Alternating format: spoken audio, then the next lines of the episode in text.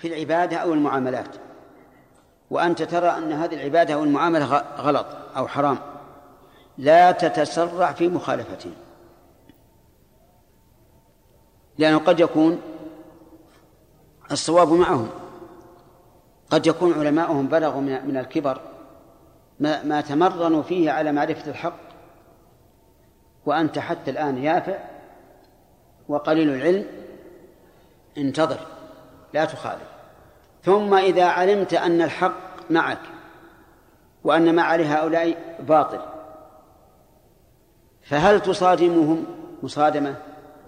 يعني مثلا رأينا أناسا يغلون في القبور ويتبركون بها وهذا لا شك أنه باطل ما ما أحد ينظر يشك فيه إلا من أعمى الله قلبه.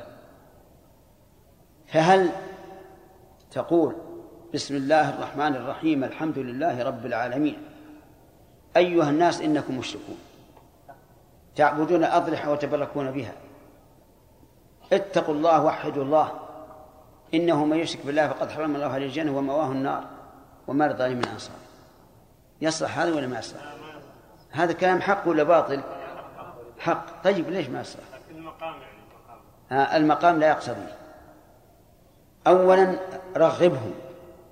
في التوحيد وفي الأمور المتفق عليها حتى يألفوك ويعرفوا قدرك ويعرفوا علمك ثم بعد إذن كلمهم.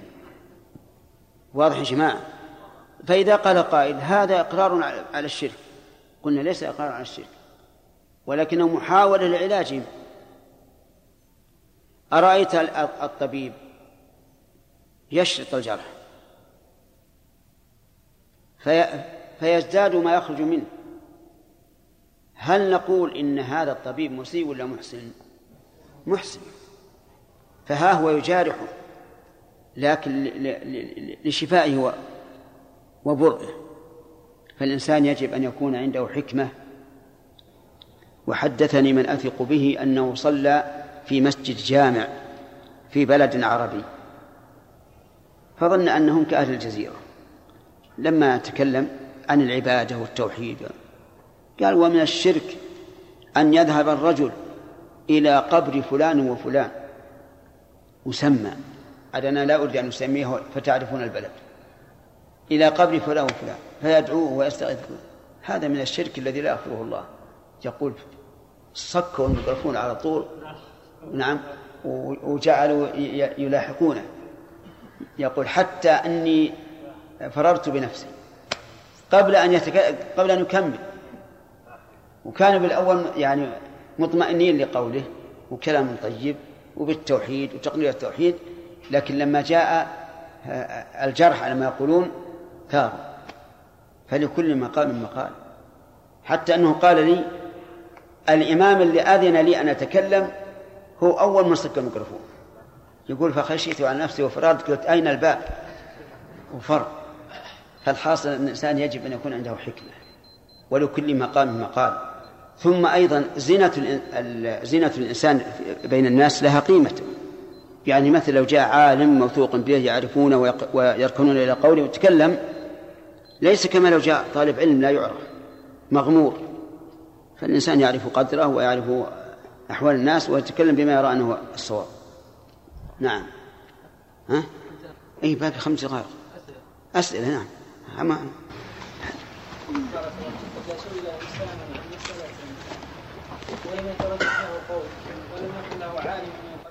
نعم. مثل ما قلت من قبل قليل. أيهما أقرب الصواب قول الجمهور واتقوا الله ما استطعتم. نعم. صلى الله يستدل بعض الأصوليين بقوله تعالى وكذلك جعلناكم أمة وسطا لتكونوا شهداء على الناس يستدل بها على أن الإجماع حجة فإذا كانت شهادتها مقبولة وجب قبول كان اجماعها مقبولا. نعم لا بأس هذا في في دلاله. نعم عبد الله. إيش إيش؟ إذا سئل الطالب من قبل أهله أو زملائه عن حكم هو فيه مقلد هل يجيب ولا؟ نعم إذا إذا نعم إذا سئل الإنسان عن حكم هو فيه مقلد فإنه لا يجوز أن يفتي به استقلالا. بل يقول هذا قول فلان قال فلان كذا وكذا. وتبرد ذمته فيكون الآن مخبرا لا مفتيا. شيخ أحسن الله إليك. في بعض البلاد آه، الناس آه، يتمشون على المذهب فقط يعني ما ينظرون إلى الدليل غالبا. نعم.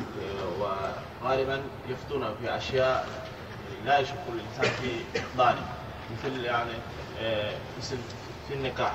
يرون أن البكرة تجبر وهذا اللي يعني الإجبار يفتون به. نعم. كون البكرة تزوج ولو يعني الوصي يجبرها. الوصي ولا الولي؟ الوصي حتى الوصي. حتى الوصي؟ حتى الوصي وحتى الأخ والعم لا. بس الأب. الوصي والأب نعم, نعم. شيخ في هذه الأثناء الواحد إذا أفتى على أن البكر لا تجبر. غاروا عليه يعني ما يرونه مصيب ويرونه مثل يعني مغالب في المسلمات. منازع في أشياء مسلمة. والشيخ إذا سكت عليه سكت على باطل لأن هذا ما يصح هذه مسألة سلمك فيها خلاف. المذهب عندنا مذهب الحنابلة كما قلت. الأب ووصي يجبرون. ولكنه قول ضعيف مخالف للنص. فهو لا يتزوج إلا إذا رضيت المرأة هو بنفسه. أما غيره ما داموا على مذهب معروف من المذاهب المشهورة فهم في ذمتهم ما يفتي بها. ها؟ ما يفتي بها. ما يفتي أن لا يفتي ما يخالف لكن لا يقول إن هؤلاء إن هذا العقد باطل. مثل جاء إنسان يقول والله أنا عقدت على امرأة أجبرها أبوها. وأنا ما أعرف شيء لا أنه جائز ولا غير جائز. النكاح صحيح. ابتداء. نعم. لا ابتداء يقول يقول اشترط على أبيها أن أن ترضى. نعم. إيش؟ الدخان محرم للجماع إي نعم. لا ما نقول. لأن العلماء ما أجمعوا على أنه حرام. وصلى الله وسلم على نبينا محمد وعلى آله وصحبه أجمعين. نحن الآن نتكلم في الإجماع. هل الإجماع دليل أو غير دليل؟ رجحنا أنه دليل ولكن هل الإجماع معلوم أو غير معلوم؟ هذا محل الكلام. من العلماء من يقول لا إجماع معلوم إلا ما علم بالضرورة من الدين. فنحن نعلم أن وجوب الصلوات الخمس بالإجماع. لكن فيه دليل. ولهذا يصعب جدا أن تنقل الإجماع في أي مسألة إلا فيما علم من الدين بالضرورة. وقد قال الشيخ الإسلام رحمه الله في العقيدة الوسطية الإجماع الذي ينضبط ما كان عليه السلف الصالح. ثانيا الإجماع له شروط سبق بعضها. وقال المؤلف رحمه الله وإجماع وإجماع أهل كل عصر حجة خلافا لداود يعني أن الإجماع في أي وقت فهو إجماع ودليل. في أي وقت. متى أجمع أهل العصر فهو إجماع. إذا لم يسبقهم ما يخالف. وهذا القول الذي ذكره صحيح. خلافا لداود. داود هو من أئمة من أئمة الظاهرية. فكأنه يرى أنه إذا مضى عصر ولم يحصل إجماع ثم أجمع أهل العصر الذي بعده فليس فليس بإجماع. وقد أومى أحمد إلى نحو قوله. وإجماع التابعين. طيب. داود يرى أن الإجماع هو إجماع الصحابة فقط. لا في كل عصر. وهذا بناء على إيش؟ على أن الإجماع لا يكاد أحد إيش؟ يعلم به. لا سيما في العصر الأول. يعني في العصور الأولى متى نعلم أن واحدا في أقصى خراسان لم يخالف الإجماع في أقصى المغرب؟ متى نعلم هذا؟ مسافات طويلة وصعبة. فعلى كل حال داود يرى أنه إذا مضى زمن ولم يحصل إجماع فإنه لا إجماع. وعليه فلا يكون الإجماع إلا في العصر الأول وهو عصر الصحابة رضي الله عنهم.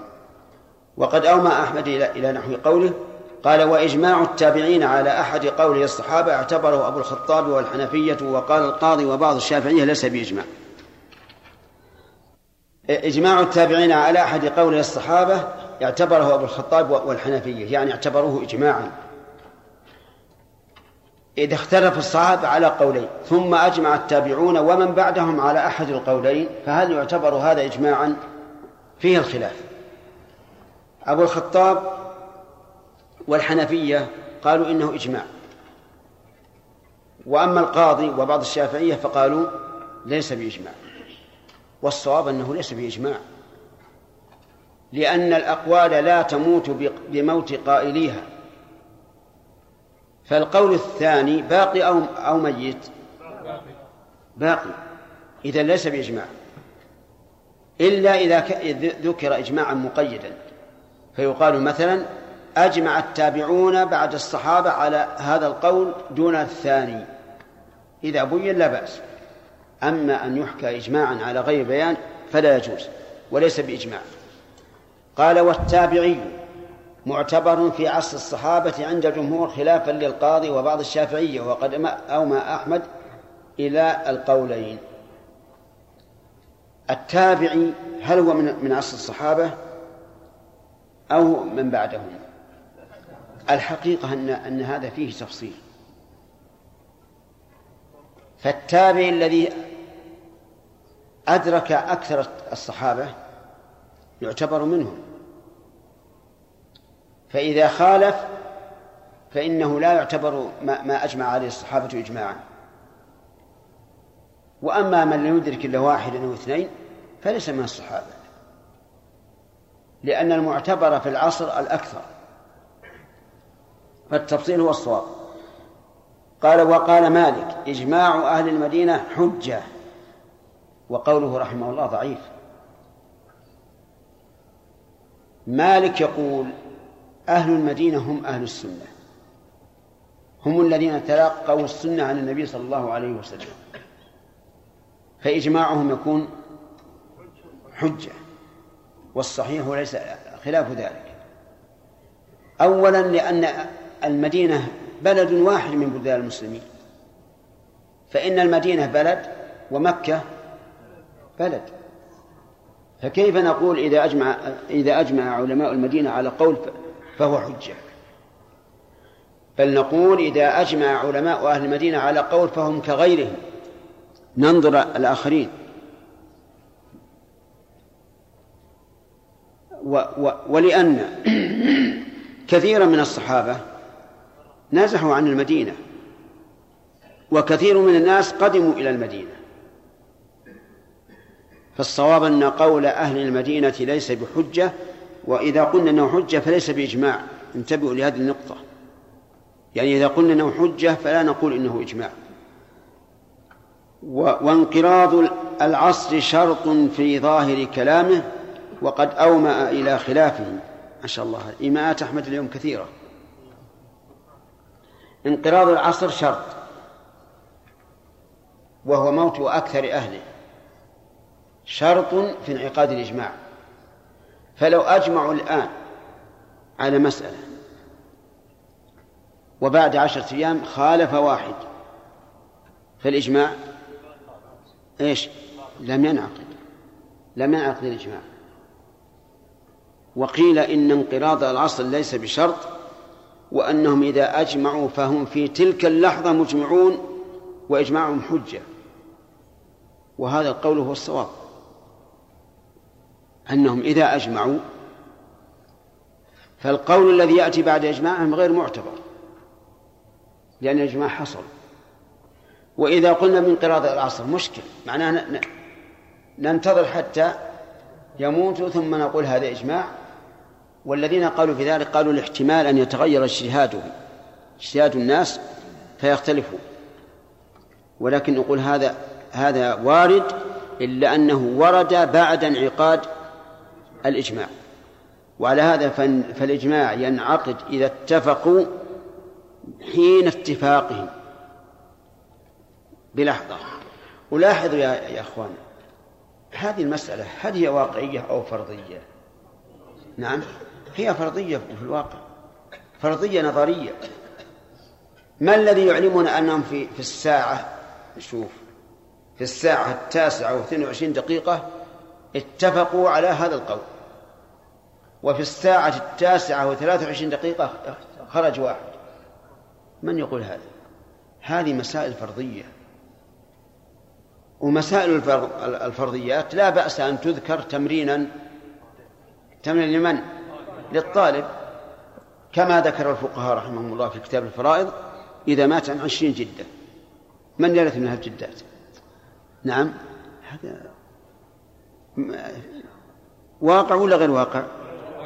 الواقع أنه غير واقع في الحقيقة لكن المسألة فرض الفقهاء رحمهم الله يعني يأتون بأشياء أحيانا فرضية تمرينا للطالب ولأنه ربما تقع في يوم من الأيام. على كل حال هل انقراض العصر شرط في انعقاد الإجماع؟ بمعنى أننا لا نحكم بإجماعهم إلا إذا انقرض عصرهم أو أن الإجماع ينعقد في حينه. الصواب الثاني أن الإجماع ينعقد في حينه وأنه لا تجوز مخالفته بعد ذلك. قال رحمه الله وانقراض العصر شرط في ظاهر كلامه كلام الإمام أحمد وأومى وقد أومأ إلى خلافه. وهذا هو الصواب. فلو اتفقت الكلمة في لحظة واحدة فهو إجماع عند الجمهور. واختاره أبو الخطاب. في لحظة واحدة أنا ذكرت قبل قليل الفرق. كم؟ دقيقة الآن رجعنا. الفرق لحظة. اللحظة أقل من دقيقة ولا أكثر؟ أقل. إذا اجتمعوا في لحظة على حكم قول صار إجماعا. حتى لو رجع أحدهم في نفس الوقت فإنه لا يعتبر. يقول هذا رأي الجمهور فهو إجماع عند الجمهور واختاره أبو الخطاب. وإذا اختلف الصحابة على قولين لم يجز إحداث قول ثالث عند الجمهور وقال بعض الحنفية والظاهرية يجوز. هذه المسألة اختلف العلماء فيها. إذا اختلف الناس على في مسألة على قولين. أحدهم يقول هذه واجب والثاني يقول هذا سنة. لم يجز أن يحدث واحد قولا ثالثا فيقول مباح.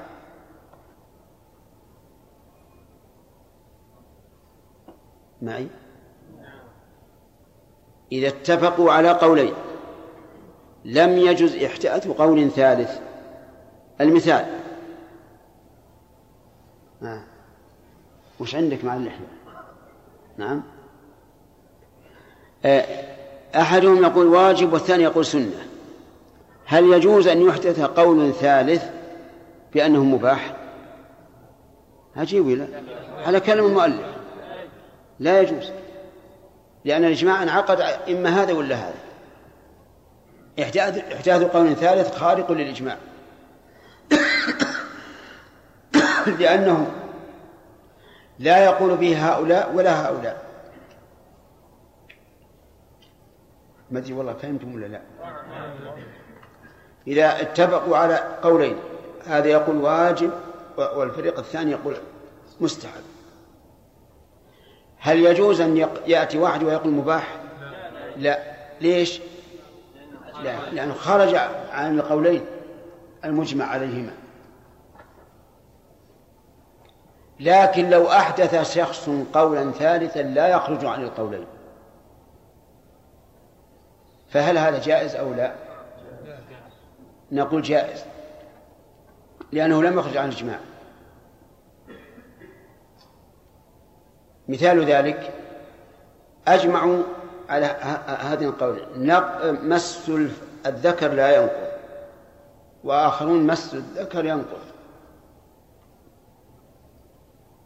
فقال ثالث جاء إنسان بعد هذا قال ينقض إن كان لشهوة ولا ينقض إذا كان لغير شهوة.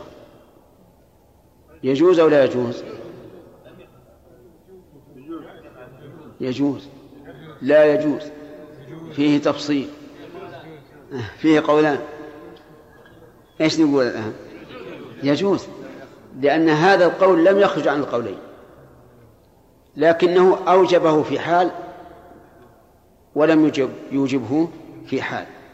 والقولان الأولان إما وجوب مطلقة وإما عدم وجوب مطلقة. فصار إحداث قول ثالث إن كان يخرج عن إطار القولين فلا يجوز وإن كان لا يخرج فهو جائز والأمثلة رأيتموها.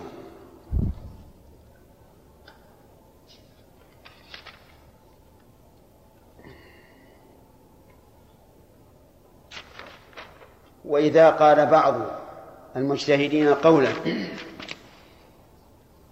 وانتشر في البقيع وسكتوا عنه.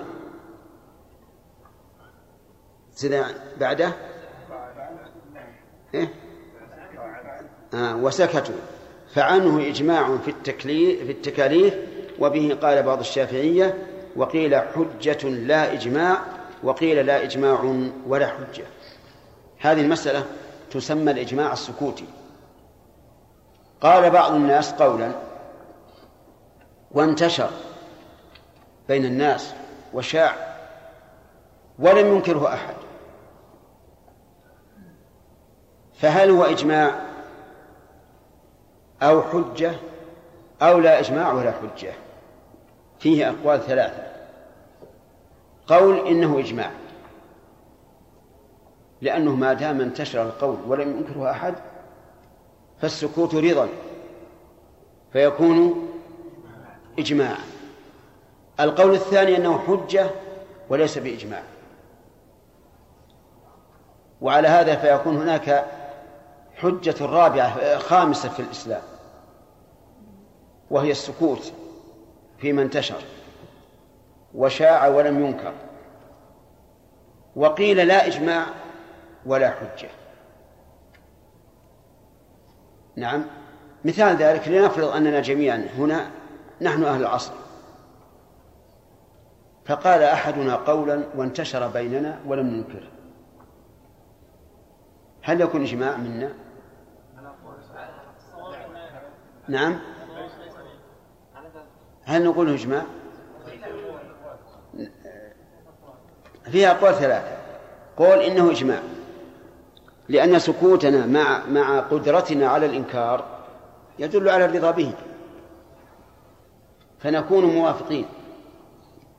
وهذا يسمى إجماعا سكوتيا. القول الثاني أنه حجة وليس بإجماع. فلو وكل إلينا ولي الأمر أن نبحث في شيء وتكلم أحدنا برأي ولم ننكره صار حجة لنا أن نرفعه إلى ولي الأمر. وقيل ليس بإجماع ولا حجة. والأقرب أنه إجماع لكن بشرط أن أن أن أن يكون الساكتون متمكنين من الإنكار. لم يمنعهم من ذلك خوف ولا حياء ولا خجل.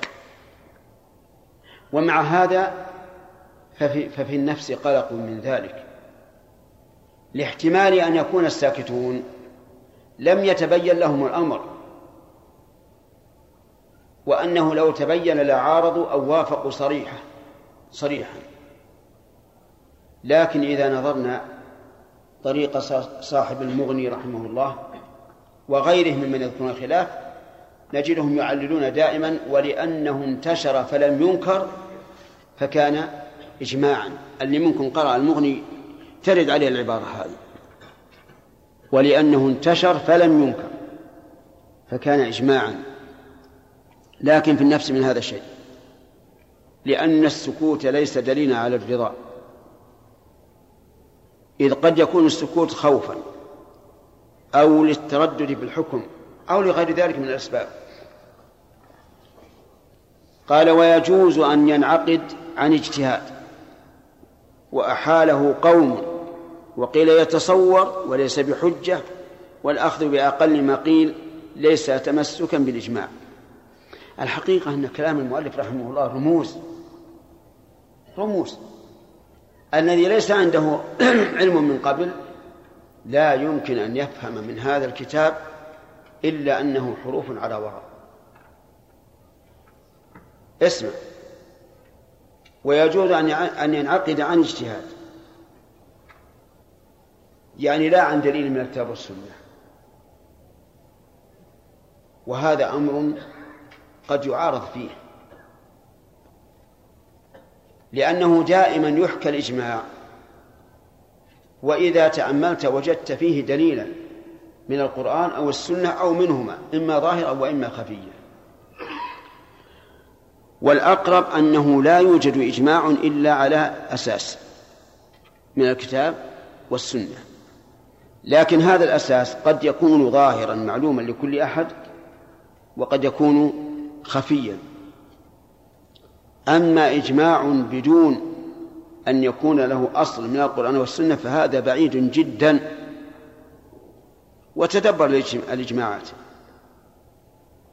تجد أنك إذا تأملت وجدت هناك دليلا من الكتاب والسنة لكن على فرض أنني أنا لا لم لم أبحث في الكتاب والسنة هل يكون إجماعهم المعلوم عندي حجة علي؟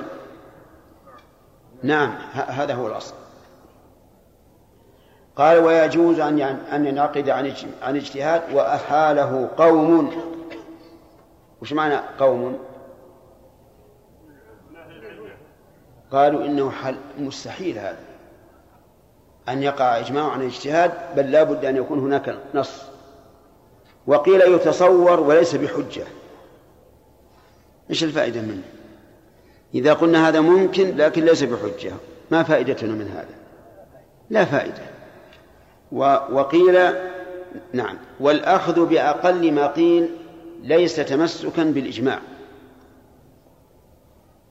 يعني مثل لو اختلف العلماء رحمهم الله في مسألة. فقال بعضهم يكفي في إزالة النجاسة ثلاث غسلات. وقال آخرون لا بد من سبع. هل نقول إن العلماء أجمعوا على أنه لا بد من ثلاث؟ هذا معنى قولها الأخذ بأقل ما قيل. أو لا نقول؟ الآن جماعة يقولون لا بد في غسل النجاسة من سبع غسلات. وآخرون يقولون لا بد من ثلاث. هل نقول أجمعوا على أنه لا بد من ثلاث؟ بحيث لا يجوز للإنسان أن يقتصر على غسلة واحدة إذا أزالت عين النجاسة؟ عجيب يا جماعة. لا. هذا صحيح. الأخذ بأقل ما قيل ليس بإجماع. بل نقول هم اختلفوا هل لا بد من سبع أو تكفي الثلاث وقد يأتي إنسان ويقول لا دليل على الثلاث ولا, ولا على السبع وإن من نجاسة عين خبيثة متى زالت طهر المحل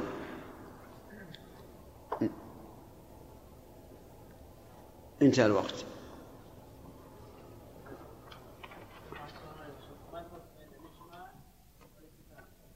إيش؟ لا فرق. الإجماع والاتفاق سواء. إلا في كتب المذاهب فهم يقولون يعنون بالاتفاق اتفاق أصحاب المذهب. والإجماع إجماع العلماء كلهم. وتجد هذا في كتاب المجموع شرح المهذب للنووي. إذا قال بالاتفاق لا تظن أنه إجماع. الاتفاق يعني اتفاق أصحاب الإمام الشافعي رحمه الله. نعم.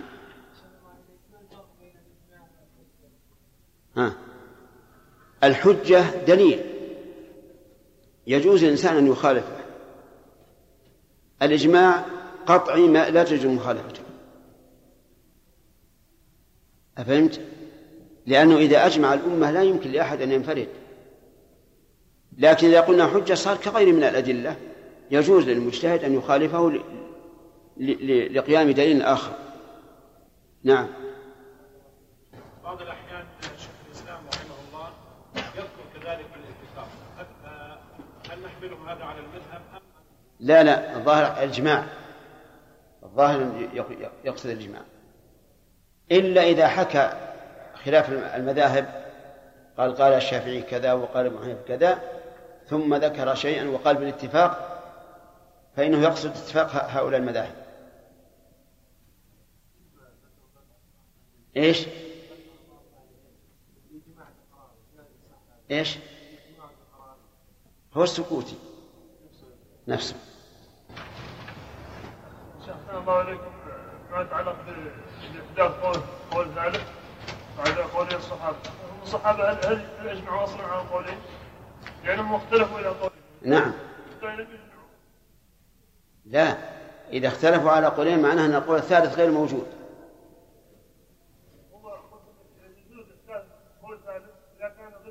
أي نعم هذا صحيح. لأنه ما خرج عن إجماع اختلفوا على قولين معناه ما في قول ثالث لهم. لا تخرج عن جماعة إي نعم. اجماعا على قولين. على أنهما قولين قولان مختلفان. إحداث ثالث معناه خروج عن إجماع. لأنه ما قال به هؤلاء ولا هؤلاء.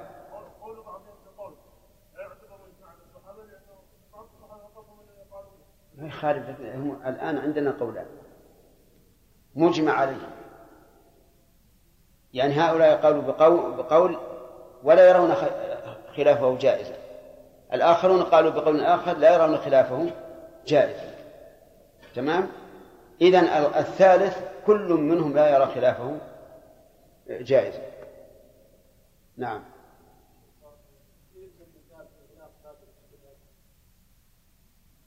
ما يلزم. لكن إذا رأى الإنسان قولا لم لم يسبقه أحد فهو مخالف للإجماع. ولهذا نرى العلماء الفحول يعلقون القول بعدم الإجماع. شيخ الإسلام رحمه الله أحيانا يقول وهذا القول هو الصواب إذا لم إذا لم يخالفه الإجماع. أو يقول إن كان قد قال به قائل. نعم. نعم. الماء في الأحكام الشرعية. يقول هذا ألا يتصور الإجماع في هذا الزمن مع تقارب المدن واتصالها؟ أولا على أي شيء يجمعون؟ طيب النوازل هل لها أصل؟ إذا كان لها أصل مما سبق كتاب أو سنة أو إجماع أو قياس صحيح فإجماعهم ليس ليس بحجة لأنه مهما كان لا يمكن أن يتفقوا يتفقوا. يعني إذا أخذنا من كل بلد مجتهد مجتهدية. هل هم كل العلماء؟ ما هم كل العلماء. على أن الهوى كثير في زمننا. الهوى كثير. الهوى كثير. العلماء ثلاث أقسام. عالم ملة وعالم أمة وعالم دولة. عالم الملة الذي يتبع الكتاب والسنة ولا يبالي بأحد. رضي الناس أم كرهوا رضي الحكام أم كرهوا. عالم الأمة عالم الأمة الذي يفتي بما يرضي الناس. إذا رأى الناس متجهين إلى شيء قال الله هذا جائز. ليش يا أخي جوز قال نعم المسألة فيها خلاف. المسألة فيها خلاف. لو رأى الناس متجهين إلى أن المرأة تكشف وجهها في بلد محافظ متبع للحق ورأى الناس متجهين إلى المرأة تكشف وجهها نعم هذا لا بأس به. هذا حلال. ليش؟ قال لأن فيه خلاف. الأغاني رأى الناس مقبلين عليها. وعلى المعازف. فلما رآهم متجهين وهو يعتقد إنه حرام. قال إذا نفتيهم بالقول الثاني. يا فلان ليش؟ قال لأن المسألة خلافية. طيب. اتجه الناس إلى الربا. واستثمار الأموال فيه. فهم متجهين. قال بسم الله الرحمن الرحيم. هذا النوع من الربا لا بأس به لأنه يرفع الاقتصاد يا رجل كيف تقول هالكلام؟ قال المسألة خلافية أفهمت؟ حتى بلغني أن رجلا سافر بأهله إلى إلى بلد ما وقال له اكشف الوجه قال كيف اكشف الوجه؟ ألست تنهانا عن هذا في في بلدنا؟ قال لكن هذول يكشفون وجيههم والمسألة خلافية نعم نسمي هذا إيش؟ عالم أمة يرى ما يريد ما يريد الناس ويمشي عليه. في أيضا عالم دولة. آه وش تقول يا حاكم؟ قال والله هذا لا بأس به. هذا يمنع الاستغلال. بسم الله الرحمن الرحيم. صدر مرسوم رئيسي آه إيش؟ جمهوري. على تأميم الثروات والشركات. تأميمها يعني ضمها للأمة وجعل الناس فيها شركاء وش تقول يا سيدنا المفتي؟ قال له والله شو لا بأس لا بأس. لا لا بأس. ليش؟ قال الناس الناس شركاء في ثلاث. هذا دليل. الدليل الثاني أنتم أعلم بأمور دنياكم. الدليل الثالث لا تأكلوا أموالكم بينكم بالباطل ونحن ما أكلنا بالباطل عشان نفعل فقراء وهلم وأفتاه بأن الاشتراكية جائزة. ثم قال وقد قال الشاعر والاشتراكيون أنت إمامهم. يعني الرسول عليه الصلاة والسلام. الحاكم وش يدري؟ أفتى له هذا المفتي وقال نمشي. هذا نسميه إيش؟ عالم دولة وإن كانت الأمة تكره هذا. نعم مضل. فالحاصل يا جماعة أن الناس الآن لهم هوى. حتى بعض طلبة العلم عندهم هوى. إما اجتهادا أو هوى مجردا. فلا نعتبر مثلا إجماع المجمع الفقهي أو إجماع هيئة العلماء أو ما أشبه ذلك ما نعتبر إجماع إجماعا. لغلبة الهوى وقلة العلم. إلا أن يشاء الله. من الكاتب الاقتراح هذا؟ مسألة الترجيحات. من هو؟ يقول كتاب الأوسط لابن المنذر في الإجماع. هل ما ما نقل في هذا الكتاب يعتبر إجماعا؟ الجواب لا. من من الكلمات المشهورة عندنا في الطلب لا عبرة بوضع ابن الجوزي ولا بإجماع ابن المنذر. أما ابن الجوزي فيتساهل في الحكم على الحديث بالوضع وأما ابن المنذر فيتساهل في نقل الجماع والثالث توثيق ابن حب ابن حبان. لا عبرة به. لأن ابن حبان قد يوثق من ليس بثقة. على كل حال ليس هذا خاصا بابن المنذر يا أخوان. ابن عبد البر أحيانا يذكر الإجماع وليس بإجماع. وهو ابن عبد البر. كذلك أبو أبو عبيد ينقل إجماع أحيانا وليس بإجماع. النووي ينقل ينقل إجماع وليس بإجماع. وقد ذكرت لكم قبل هذا مثالا غريبا جدا جدا. ما هو؟ قال بعضهم أجمعوا على قبول شهادة العبد وقال الآخر أجمعوا على رد شهادة العبد. تناقض. فمسألة إجماع صعبة. أما قول لا نعلم فيه خلافا فهذا مقبول. لكن مقبول ممن لكن من من أي قائل؟ ممن له اطلاع وسعة علم. أما يجي واحد عامي يقول هذا حلال لا أعلم فيه خلافا. عامي لا أعلم فيه خلاف. ما تعرف الخلاف حتى تقول لا أعلم فيه خلاف. لكن إذا كان عالما مجتهدا نعرف أن الرجل له سعة اطلاع وقال لا أعلم فيها خلافا عرف أن هذا على الأقل قول الجمهور أما يجي إنسان ما يعرف عن المذاهب شيء عاش على مذهب معين ثم قال لا أعلم في هذا خلافا ما نقبل منه. طيب.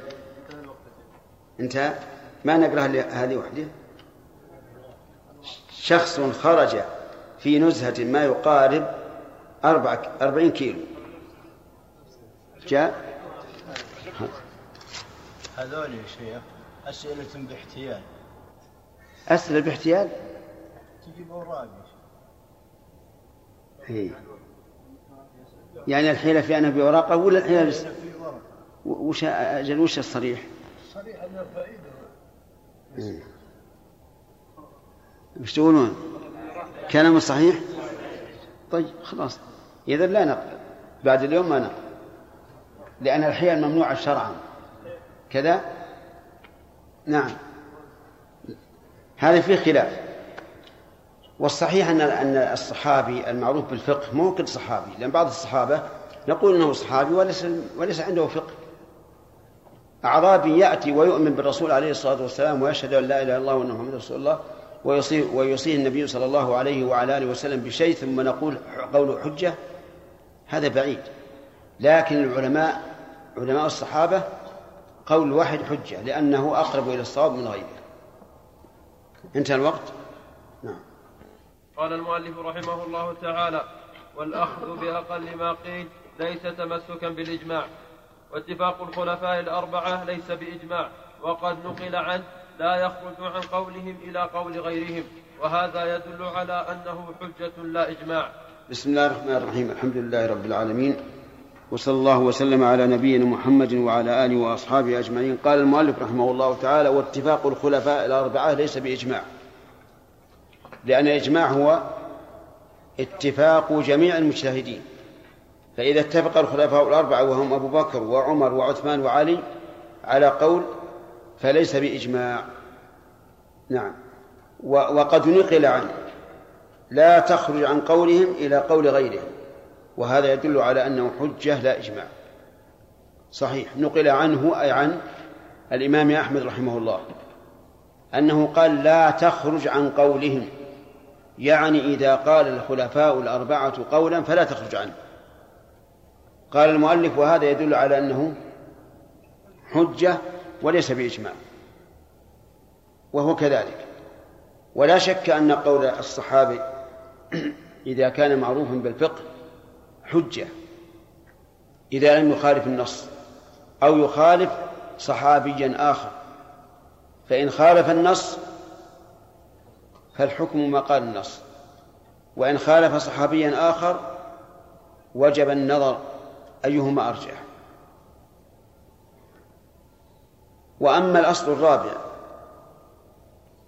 الأصل الرابع يعني من الأصول الأربعة التي سبقت وهي الكتاب والسنة وإيش؟ والإجماع. قال وهو دليل العقل في النفي الأصلي دليل العقل في النفي الأصلي. كيف هذا؟ العقل يقتضي أن ما لم يوجب فالأصل عدم وجوبه. هذا الأصل النفي الأصلي. الأصل عدم الوجوب والأصل براءة الذمة. فإذا قال لك إنسان هذا واجب تقول له إيش؟ ما الدليل؟ لأن الأصل عدم الوجوب إلا بدليل. يقول رحمه الله فهو أن الذمة قبل الشرع بريئة من التكاليف. فيستمر يعني عدم التكليف حتى يرد غيره أي حتى يرد غيره مما يدل على الوجوب ويسمى استصحابا. استصحاب إيش؟ استصحاب الأصل. يسمى استصحاب الأصل. استصحاب الأصل أن الأصل إيه؟ براءة الذمة وأنه لا تحريم ولا وجوب إلا بدليل. فإذا قال لك قائل هذا حرام وهو في غير العبادات فقل الأصل وش الأصل؟ الحل. فنستصحب الأصل. وإذا قال هذا واجب قلنا الأصل عدم الوجوب لأن الإيجاب معناه شغل الذمة بهذا الواجب والأصل براءة الذمة. استصحاب الأصل هذا لا شك أنه دليل وكل إنسان يدعي خلافه فعليه الدليل سواء قلنا أن الأصل التحريم كالعبادات أو الأصل الحل كغيرها. وكل دليل فهو كذلك. يعني وش معنى كذلك؟ أي يستصحب حكمه. كل دليل فإنه كذلك أي يستصحب حكمه. فمثلا النص حتى يرد الناس الناس أو الناسخ الناسخ فإذا جاء النص بشيء فالأصل بقاؤه. أي إنسان يدعي خلافا يقول هذا الدليل. فإذا قال هذا منسوخ ماذا نقول له؟ نقول أين الدليل؟ الأصل بقاء العموم على عمومه هذا هو الاستصحاب. ولذلك نحن نعبر أحيانا فنقول الدليل عدم الدليل. الدليل عدم الدليل. فإذا قال قائل مس المرأة بشهوة لا ينقض الوضوء. فما هو الدليل؟ الدليل عدم الدليل أنه لا ينقض. والأصل الاستصحاب. استصحاب بقاء الوضوء وعدم شغل الذمة بالوضوء الجديد. وكذلك العموم حتى يرد المخصص. يعني إذا ورد النص عاما وادعى شخص أن بعض الأفراد خارج من الحكم. فما هو الأصل؟ عدم الخروج لأن الأصل عموم حتى يرد المخصص. المهم أن هذا الأصل أو هذا الدليل الذي ذكره المؤلف هو استصحاب الأصل وذلك في كل موطن بحسبه ففي العموم الأصل العموم وفي وفي المحكم أو المنسوخ الأصل الإحكام وعدم النسخ وفي شغل الذمة بوجوب أو تحريم الأصل عدم شغل الذمة وهل مجرة والنفي قال والملك حتى يرد المزيل. الملك إيش معناه؟ يعني الأصل أن ما في يد الإنسان ملك له حتى يرد المزيل. فمثلا إذا قلنا أحمد الفيد بيده كتاب الأصل أنه له حتى يرد المزيل ولذلك لو ادعاه حمد حمد قال هذا كتاب كتابي. تقبل أو لا تقبل؟ لا تقبل الدعوة حتى يوجد البينة. إذن الأصل فيما بيد الإنسان أنه إيش؟ ملكه حتى يثبت المزيل طيب. قال والأصل النفي حتى يرد المثبت. صحيح. ولهذا من القواعد عندهم إذا تعارض المثبت والنافي فالمقدم المثبت لأنه معه زيادة علم. فإذا لم يوجد مثبت فالأصل النفي. فإذا ادعى زيد على عمرو بأن له مئة ريال في ذمته فقال عمرو لا. ما هو الأصل؟ النفي ولا الإثبات؟ النفي الإثبات التفصيل. إيش قلتم الأصل النفي. إذا قال زيد لعمرو عندك مئة ريال في ذمتك لي. قال لا. ما الأصل؟ النفي حتى يرد الإثبات. إذا أقام المدعي بينة قبلناه ووجوب صلاة سادسة. وصوم غير رمضان ينفى بذلك يعني بالاستصحاب. يعني لو قال الإنسان الفصل بين العشاء والفجر طويل لعلنا نضيف سادسة صلاة سادسة. يجب أن يصلي الإنسان صلاة سادسة حتى لا يطول الفصل بين مناجاته ربه. ماذا نقول؟ نعم الأصل عدم وجوب الأصل عدم الوجوب. لكن هذا المثال الذي مثلته لا ينبغي أن أمثل به لأني لا أظن أن أحدا من العلماء يقول به إطلاقا. لكن لو قلنا بوجوب صلاة الوتر لو قلنا بوجوب صلاة الوتر لكنا أوجبنا إيش؟ صلاة سادسة. فهنا للنافي أن يقول لا تجب استصحابا للأصل. طيب. إذن الأولى أن نمثل بالصلاة السادسة بإيش؟ بالوتر.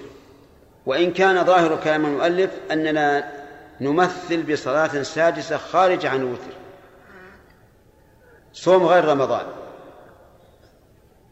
لو قال قائل إنه يجب أن يصوم الإنسان شهر المحرم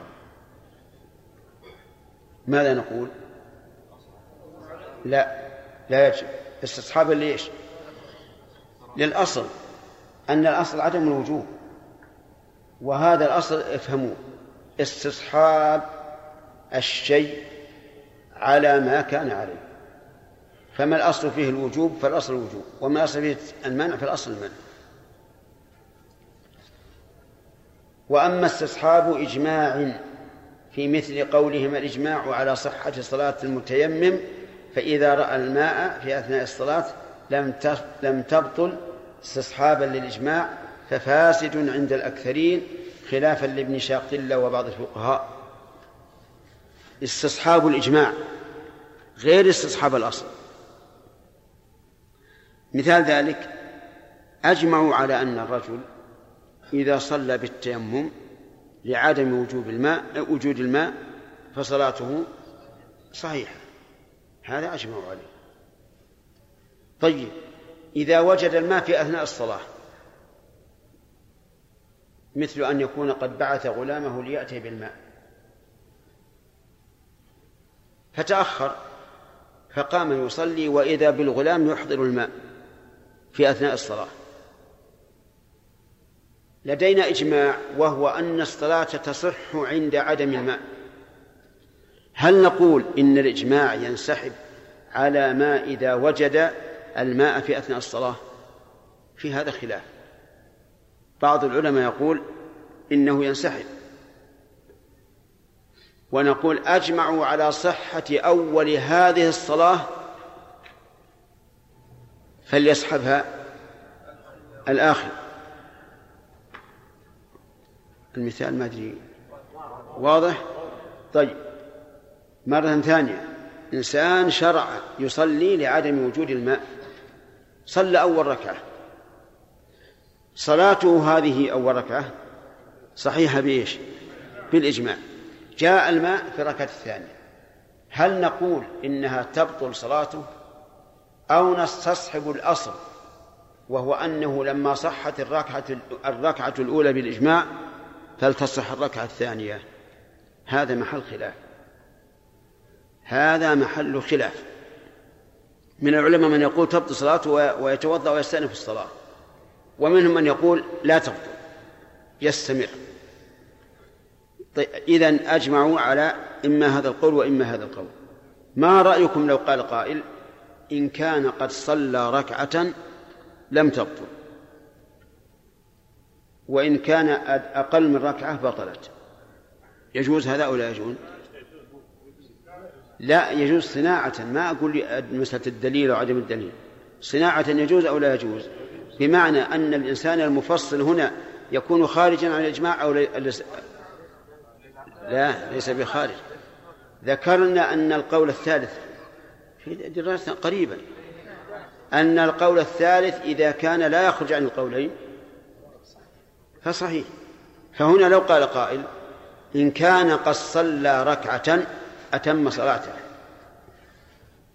وإن كان دون ركعة قطع صلاته. الآن ما خرج عن القولين. لأن القولين إما أن تقطع مطلقا أو أو تستمر مطلقا. لكن هذا فصل.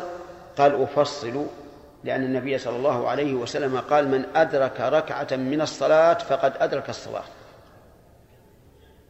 وأنا أدركت ركعة من الصلاة في حال يصح لي أن أصلي فيها بالتيمم فلأكن مدركا للصلاة كلها.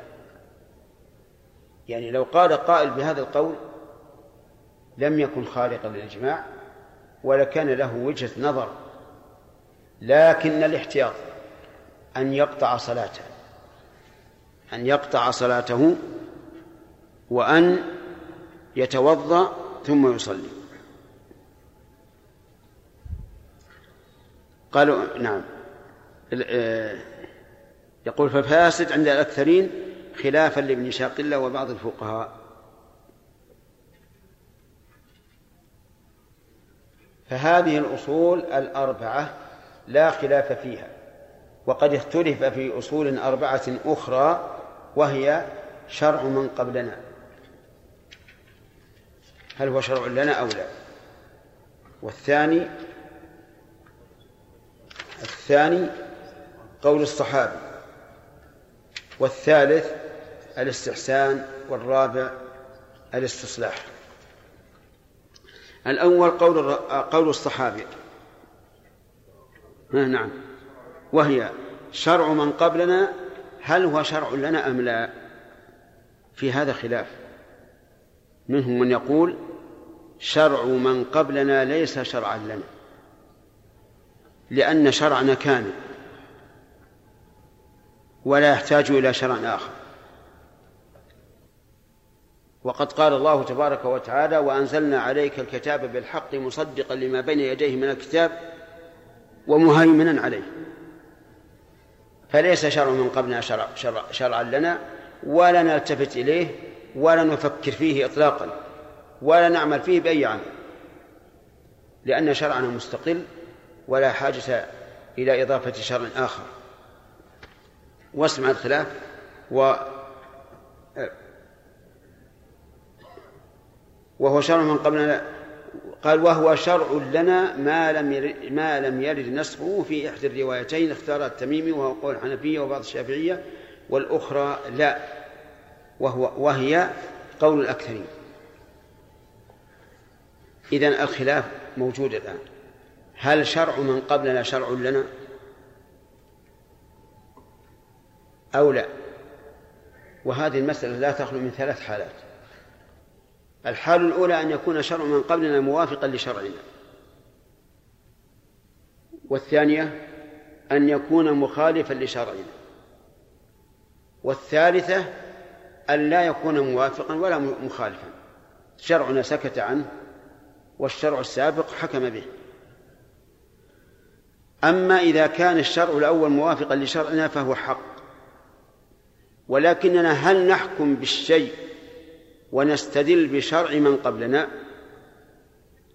أو نحكم بالشيء ونستدل بشرعنا؟ الثاني متعين. ولا يجوز أبدا أن نستدل بحكم شريعة قبلنا أبدا. شريعتنا كاملة والحمد لله. واضح؟ مثال ذلك. البقر حلال في شريعتنا وحلال في شريعة من قبلنا إلا ما حرم عليهم من أجزاء في الجسد. فهل نستدل بحل البقر على أنه أحل لمن قبلنا؟ لا على أنه حلال في شرعنا. الخيانة السحر الكذب حرام في كل ملة. فهل إذا أردنا أن نستدل على تحريم هذا نستدل بشرع من قبلنا؟ لا لكننا لا ننكر أن يكون شرعا لنا لأن شرعنا هو الذي أثبته ووافقه. الثاني أن يكون شرعنا ورد بخلافه فهذا ليس ليس بحجة قطعا. ولا أحد يقول إنه حجة. لقول الله تعالى مصدقا لما بين يديه من الكتاب ومهيمنا عليه. مثل إيش؟ آه السجود عند التحية. جائز في شريعة من قبلنا. كما فعل إخوة يوسف خروا له سجدا. وفي شرعنا حرام. فلا نستدل بشرع من قبلنا على على حله وأشياء كثيرة من هذا النوع. الثالث أن لا يكون في شرعنا خلافه ولا وفاقه. فهل هو شرع لنا أم لا؟ هذا محل الخلاف. والصحيح أنه شرع لنا. والدليل على على هذا قول الله تعالى لرسوله صلى الله عليه وعلى آله وسلم حين عدد عليه الأنبياء قال أولئك الذين هدى الله فبهداه مقتدئ وأيضا لو لم يكن شرعهم شرعا لنا لم يكن للبيان لم يكن لنقل شرعهم فائدة. إذ يكون من اللغو. وقد قال الله تعالى لقد كان في قصصهم عبرة لأولي الألباب. طيب إذا قلنا إن شرعهم شرع لنا ما لم يرد شرعنا بخلافه فهل يجوز أن نستدل بكتبهم على هذا الحكم؟ لا. نستدل نثبت ذلك ولكن نحكم بشريعتنا. نقول إن شرع شريعتنا حكمت بأنه شرع. لئلا يفخر أولئك علينا ولئلا يغتر من يغتر من المسلمين فيظنون أن شريعة السابقة مكملة للشريعة الإسلامية. انتهى الوقت. نعم. نعم. نعم.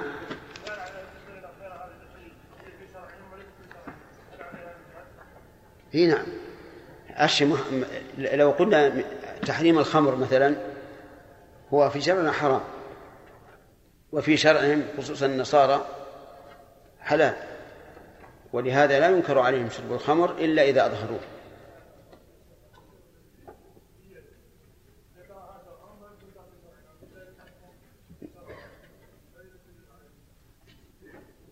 أي نعم. موجود هذا بس الآن ما يحضرنا ولا موجود؟ نعم.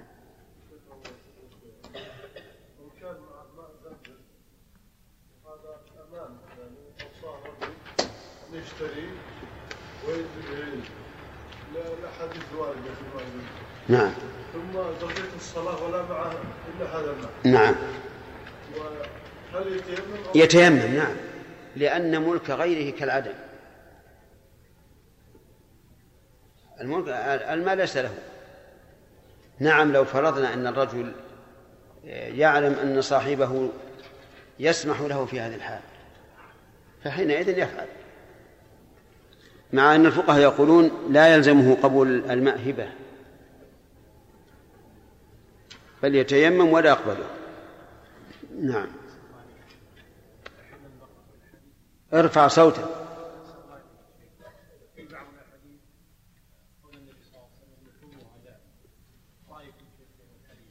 وش؟ إيه؟ إيه؟ إيه؟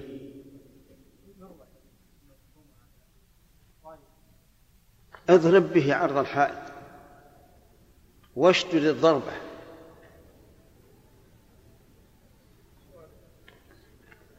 السؤال يقول إن, إن البقر لحمها داء. ها؟ أقول اضرب به على الحائط. اضرب به الحائط. ولولا أنه منسوب للرسول لقلت تسه بالنعال. كيف هذا؟ أليس الله قد صرح بحل لحمها؟ طيب كيف يكون لحمها داء ويحله الله؟ هل يرضى الله لعباده أن يشربوا أدواء؟ أن يأكلوا أدواء؟ أجب. ومع ذلك هذا الحديث الذي تشير إليه يقول ولبنها شفاء. وسبحان الله لبن يخرج من بين فرث ودم شفاء. واللحم الأصل يكون داء. لا هذا أبدا هذا باطل باطل باطل. هذه ثلاثة. باطل باطل باطل. ستة نوتر. باطل باطل باطل يمكن يا شيخ الوضاع لا يحب الرقع واضع الحديد إيه. حلل الموضوع حمد يقول لعل ال- الذي وضع الحديث لا يحب لحم ال- ال- البقر. كالذي جل- جلب باذنجان كثير ولكن السوق ضعيف لم ينصرف الباذنجان. ففكر ماذا يفعل ماذا يفعل؟ قال أضع حديثا. أن الباذنجان لما أكل له. فصاح في, في أول النهار. قال النبي صلى الله عليه وعلى آله وسلم الباذنجان لما أكل له. يعني معناه أنك إذا أكلت للشفاء يشفيك. للشفاء يشبعك. نعم. فتراكم الناس عليه. هذا ذكره العلماء كما قلت. مثال لوضع الدلالين. أي نعم. وأنا أقول لكم يا إخواني افهموا. كل شيء يخالف القرآن مخالفة صريحة. والله لا يصح عن الرسول. ابدا. لأن القرآن منقول إلينا نقلا متواترا. لا شيء فوق فوقه ثم يأتينا واحد من الناس يروي حديثا عن الرسول عليه الصلاة والسلام يقول إن هذا مخالف للقرآن يقول ثم يذكر شيء مخالف للقرآن؟ لا يمكن هذا. وهذه وصمة عيب في بعض المحدثين أنهم ينظرون إلى ظاهر السند دون النظر إلى المتن والعجب أنهم يقرؤون ويقررون أن من شرط الصحيح أن لا يكون معللا ولا شاذا مع اتصال السند لكن سبحان الله هذا مما يدلك على أن الإنسان مهما بلغ فهو معرض للخطأ. نسأل الله أن يوفقنا وإياكم للصواب. انتهى الوقت. طيب. إيش؟ إي نعم. نعم. إيش؟ أي. نعم. نعم. اقرأ الآية. كيف هذا وصل ورفع أبويه على العرش. طيب من اللي خر انتهى يقول موسى إنه انتهى الوقت. أنا محدد. وأما استصحاب الإجماع. ها؟ الاستحسان طيب. بعدها. وقول الصحابي. عجيب.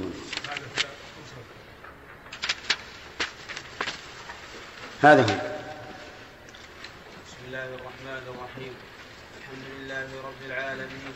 والصلاة والسلام على أشرف الأنبياء وإمام المرسلين. قال صفي الدين. البغدادي رحمه الله صفحة الرمي صفحة كم؟ ها؟ أي كم؟ عطنا بس لجل الأخ يسأل. تسعة وسبعين. نعم. رحمه الله تعالى في كتابه قواعد الأصول ومعاقد الفصول والاستحسان وهو العدول بحكم المسألة عن نظائرها لدليل خاص قال القاضي الاستحسان مذهب أحمد رحمه الله وهو أن يترك حكما إلى حكم هو أولى منه. بسم الله الرحمن الرحيم الحمد لله رب العالمين وصلى الله وسلم على نبينا محمد وعلى آله وأصحابه ومن تبعهم بإحسان إلى يوم الدين. الأدلة التي تثبت بها الأحكام الشرعية أربعة. الأدلة أربعة اسمعها الكتاب والسنة. لقوله تعالى فإن تنازعتم في شيء فردوه إلى الله والرسول. الإجماع إجماع المسلمين على حكم حجة. دليل ذلك قوله فإن تنازعتم في شيء فردوه إلى الله والرسول. مفهومه؟ إن لم تتنازعوا فخذوا بما اتفقتم عليه. خذوا بما بما اتفقتم عليه. وهذا دليل واضح. ومن ذلك قوله تعالى ومن يشاقق الرسول من بعد ما تبين له له الهدى ويتبع غير سبيل المؤمنين نوله ما تولى. أفهمتم؟ يعني الآية يتبع غير سبيل المؤمنين نوله ما تولى ونصله جهنم وساءت مصيرا وقد سبق الكلام على هذا. ولكن يا اخوان من لي بالإجماع؟ يعني من يأتي لي بإجماع إلا الأشياء التي اتفق المسلمون عليها بالضرورة كوجوب الصلوات الخمس مثلا. وجوب الصلاة الخمس بالإجماع ولا بغير إجماع؟ بالإجماع لكن ثابت بالكتاب والسنة. ولذلك لا تجد في الواقع وحسب علمي. مسألة ثبتت بالإجماع دون دون الدليل من الكتاب والسنة. أبدا. ما من إجماع إلا وله أصل في الكتاب والسنة. وأما من استدل بالإجماع دون رجوع الكتاب والسنة فإنه يخطئ كثيرا. كثيرا ما ينقل الإجماع في مسألة فيها خلاف.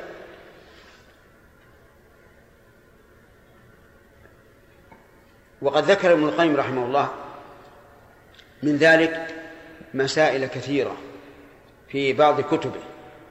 نقل فيها الإجماع والمسألة خلافية. منها مثلا الطلاق الثلاث نقل بعض العلماء الإجماع على أنه واقع مع أنه إيش؟ فيه خلاف. وأشياء كثيرة ينقل فيها الإجماع وفيها خلاف. بل العجب أني رأيت بعضهم قال لا تقبل شهادة العبد بالإجماع. يعني لو أن العبد شهد بأن فلانا آه، يطلب فلانا كذا وكذا ما تقبل شهادته بالإجماع. وآخر قال وتقبل شهادة العبد بالإجماع. وش يقول يا وليد؟ ها؟ تناقض. إجماعان متناقضان. أحدهما كاذب بلا شك. فالمهم أن إثبات الأحكام بالإجماع هو أمر فرضي لا أمر واقعي لأنه ما من إجماع إلا وله دليل من الكتاب والسنة. الرابع الرابع القياس الصحيح وسبق أيضا. وسبقت أدلته. واعلم أن كل مثل ضربه الله في القرآن فهو من باب القياس. كل مثل في القرآن فهو من باب القياس. هذا القسم الرابع أنكره الظاهرية إنكارا عظيما. وقالوا إن إثبات القياس شرك. لأن القائس أثبت حكما برأيه. لكن قولهم ضعيف. والقياس الصحيح ثابت بالقرآن والسنة. ولما جاء رجل للنبي صلى الله عليه وعلى آله وسلم وقال يا رسول الله إن امرأتي ولدت غلاما أسود. يعني وهو و و وأم الغلام أبيضان.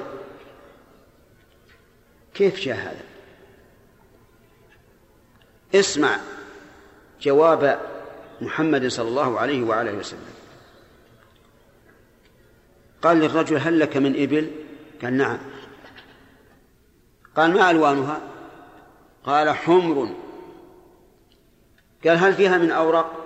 يعني أشهب قال نعم. كلها حمر فيها أشهب قال منين جاء؟ من أين جاء؟ قال لعله نزعه عرق. يعني لعل أحد آبائه أو أمهاته كان أورق. فقال ابنك هذا لعله نزعه عرق. هذا قياس ولا غير قياس؟ نعم هذا قياس واضح. فالصحيح أن القياس دليل شرعي وله أدلة من القرآن والسنة وقد سبق الكلام عليه. فيه أشياء اختلف فيها العلماء. غير الأدلة الأربعة. الأربعة ما هي؟ الكتاب والسنة والإجماع والقياس الصحيح. منها الاستحسان. يعني إذا استحسن الإنسان شيئا فهل هذا دليل أو لا؟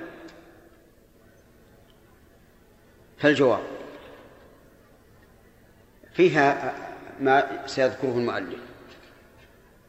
منهم من قال إنه دليل ومنهم من قال ليس بدليل. والصحيح أنه ليس بدليل. بدليل قول الله تعالى قل هل ننبئكم بالأخسرين اعمالا الذين ضل سعيهم في الحياة الدنيا وهم يحسبون أنهم إيش؟ يحسنون صنعا فأبطل الله هذا الاستحسان المبني على الضلال. ثم الاستحسان. إذا استحسن العقل شيئا فإن كان الشرع قد أقره فالدليل بإيش؟ بالشرع. وإن كان الشرع قد أنكره فهذا الاستحسان باطل. يعني يدل على أن هذا العقل قاصر. حيث استحسن ما استقبحه الشرع طيب الاستحسان يقول وهو العدول وهو العدول بحكم المسألة عن نظائرها لدليل خاص إذا كان لدليل خاص وين الاستحسان؟ الاستحسان بإيش؟ بالدليل الخاص مثال ذلك بيع التمر بالرطب. حرام. بيع التمر بالرطب حرام. نعم.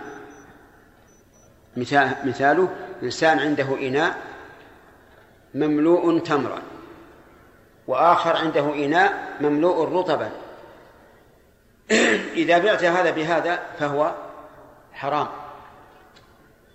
لأن الرطب فيه ماء. وثقيل. ولهذا لما سئل النبي صلى الله عليه وعلى آله وسلم عن بيع التمر بالرطب قال أينقص إذا جف؟ قالوا نعم. فنهى عن ذلك. العرايا جائزة وهي بيع الرطب على رؤوس النخل بالتمر في الأرض. يعني إنسان عنده تمر ويريد أن يتفكه كما يتفكه الناس بالرطب. يريد أن يتفكه كما يتفكه الناس بالرطب وهو ما عنده فلوس. فجاء إلى صاحب البستان وقال يا فلان بع علي هذه النخلة رطبها بهذا التمر. يجوز أو لا يجوز؟ يجوز. إذا خرج عن نظائره لكن خرج بدليل. فلا نقول هذا من باب الاستحسان بل نقول هذا من باب الاستدلال بالسنة. لأن النبي صلى الله عليه وعلى آله وسلم رخص في بيع العرايا فصار الاستحسان راجعا إلى إيش؟ إلى الشرع. فإن خالف الشرع فليس بحسن. قال القاضي الاستحسان مذهب الإمام أحمد رحمه الله وهو أن يترك حكما إلى حكم هو أولى منه وهذا لا ينكره أحد. ولكن ب... لماذا تركناه؟ للكتاب والسنة. بدليل الكتاب والسنة. لا لاستحسان عقولنا له.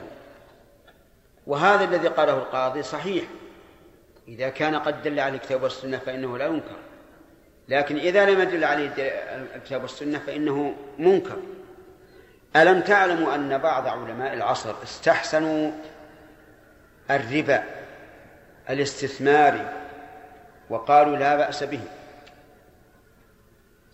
الربا الاستثماري أن يأتي شخص ليس عنده مال وعنده قدرة على العمل فيقول للبنك أعطني مليون ريال سأنشئ مصانع ويكون لك بمليون نصف بعد سنتين.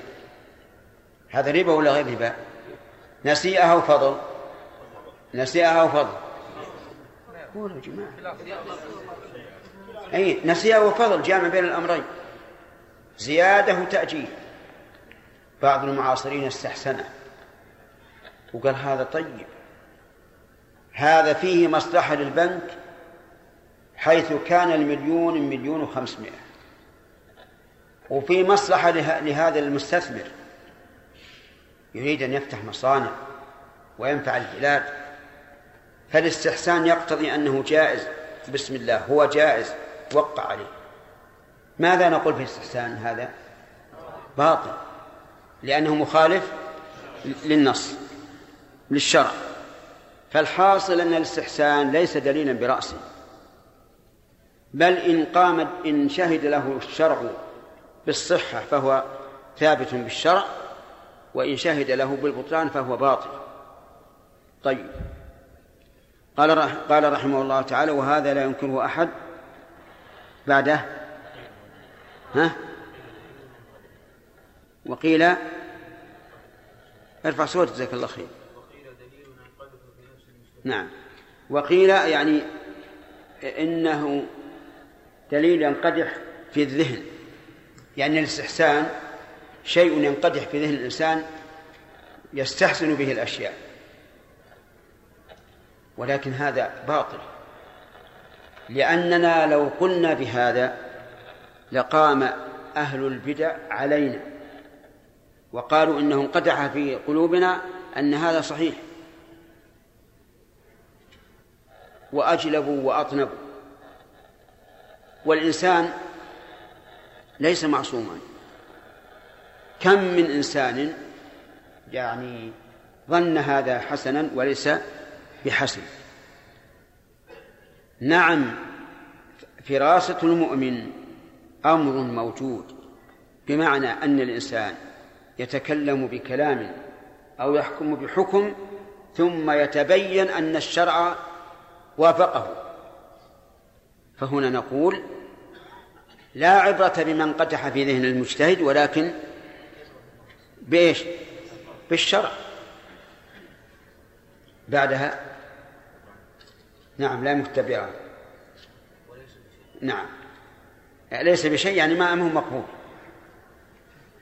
الثالث امش امش لقني وقيل في الاستحسان هو ما استحسنه المجتهد بعقله. هذا أيضا غير صحيح. لماذا؟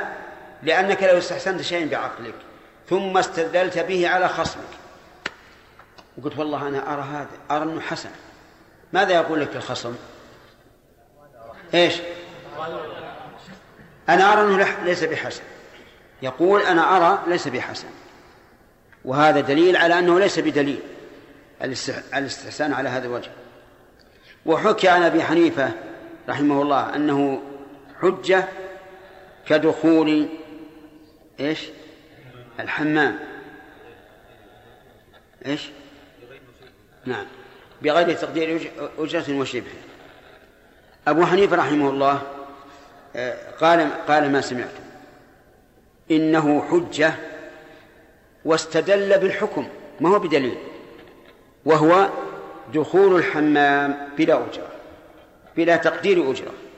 يعني وجدت حماما يؤجر مفتوح الباب ودخلت وتحممت وطلعت.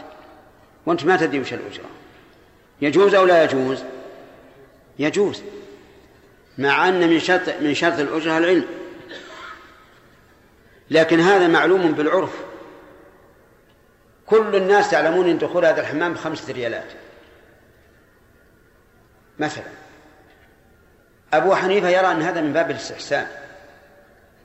ونحن نقول هذا ليس من باب الاستحسان. بل هذا داخل في إطلاق قوله تعالى وأحل الله البيع. فليس استحسان. كذلك تعطي القصار يعني الذي يغسل الثياب تعطيه ثوبك تقول اغسله بدون أن تحدد الأجرة يجوز أو لا يجوز؟ يجوز.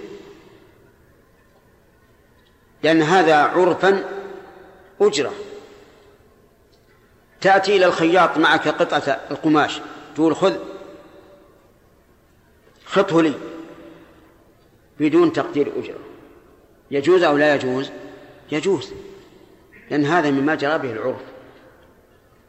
وليس من باب الاستحسان بل هو من العقود التي أباحها الشرع. تأتي مثلا إلى لمزين تقول للسواق يلا امشي ودني البلد الفلاني. يوديك. بدون أجرة. بدون تقدير أجرة. فإذا وصلت قال أعطني مئة ريال. يجوز أو لا يجوز؟ نعم. يجوز. لماذا؟ لأن هذا وإن لم يقدر لفظا بين المتعاقدين فقد قدر عرفا. والاضطراد العرفي كالشرط اللفظي. الله يعني. انتهى الوقت؟ نعم. خمس دقائق. أي نعم. تعريف الاستحسان. الاستحسان أنا لا أقره أصلا. وأقول ما استحسنه العقل إن شهد الشرع له بالصحة فهو دليل فدليله شرعي وإلا فلا يعمل به. هو لا يوجد أصلا. على ما اراه أما أما على كلام المؤلف فهو ذكر فيه قولين أو ثلاثة. إنه ما خرج عن العموم بدليل خاص أو ما استحسنه مجتهد منقدح في ذهنه. والثالث رأي أبي حنيفة رحمه الله ولكن القول الراجح ما ذكرت لكم. لا دليل للاستحسان نعم. ارفع نعم. إيش؟ العرف. العرف يعني العادة عند الناس.